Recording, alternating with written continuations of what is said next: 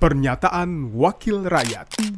Pernyataan Taufik Basari, anggota Komisi 3 DPR RI fraksi Partai Nasdem, daerah pemilihan Lampung 1, saat rapat kerja Komisi 3 DPR RI dengan Menkumham membahas RKA KL tahun 2024, Rabu 31 Mei 2023. Karena kita sudah punya undang-undang eh, pemasyarakatan yang baru, maka penting untuk kita bisa lakukan sosialisasi undang-undang pemasyarakatan di lapas-lapas dan mungkin juga bisa, ini menarik nih,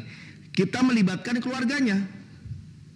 Ya, entah mungkin di di luar lapasnya, di uh, halamannya dan sebagainya, undang bagi keluarga yang juga ingin mengetahui ya undang-undang pas yang baru ini ya akan memberikan dampak apa bagi keluarganya yang sedang menjalani masa pidana. Ya menurut saya juga baik dan sama juga karena kita juga terlibat di dalam proses uh, perumusan dan pembahasan undang-undang PAS, mungkin di dapilnya masing-masing kita juga bisa uh, membantu um, kanwil-kanwil Kemenkumham untuk melakukan sosialisasi tidak hanya bagi uh, apa warga binaan tapi juga bagi keluarganya. Pernyataan Taufik Basari, anggota Komisi 3 DPR RI, fraksi Partai Nasdem, daerah pemilihan Lampung 1, produksi TV dan radio Parlemen, Biro Pemberitaan Parlemen, Sekjen DPR RI.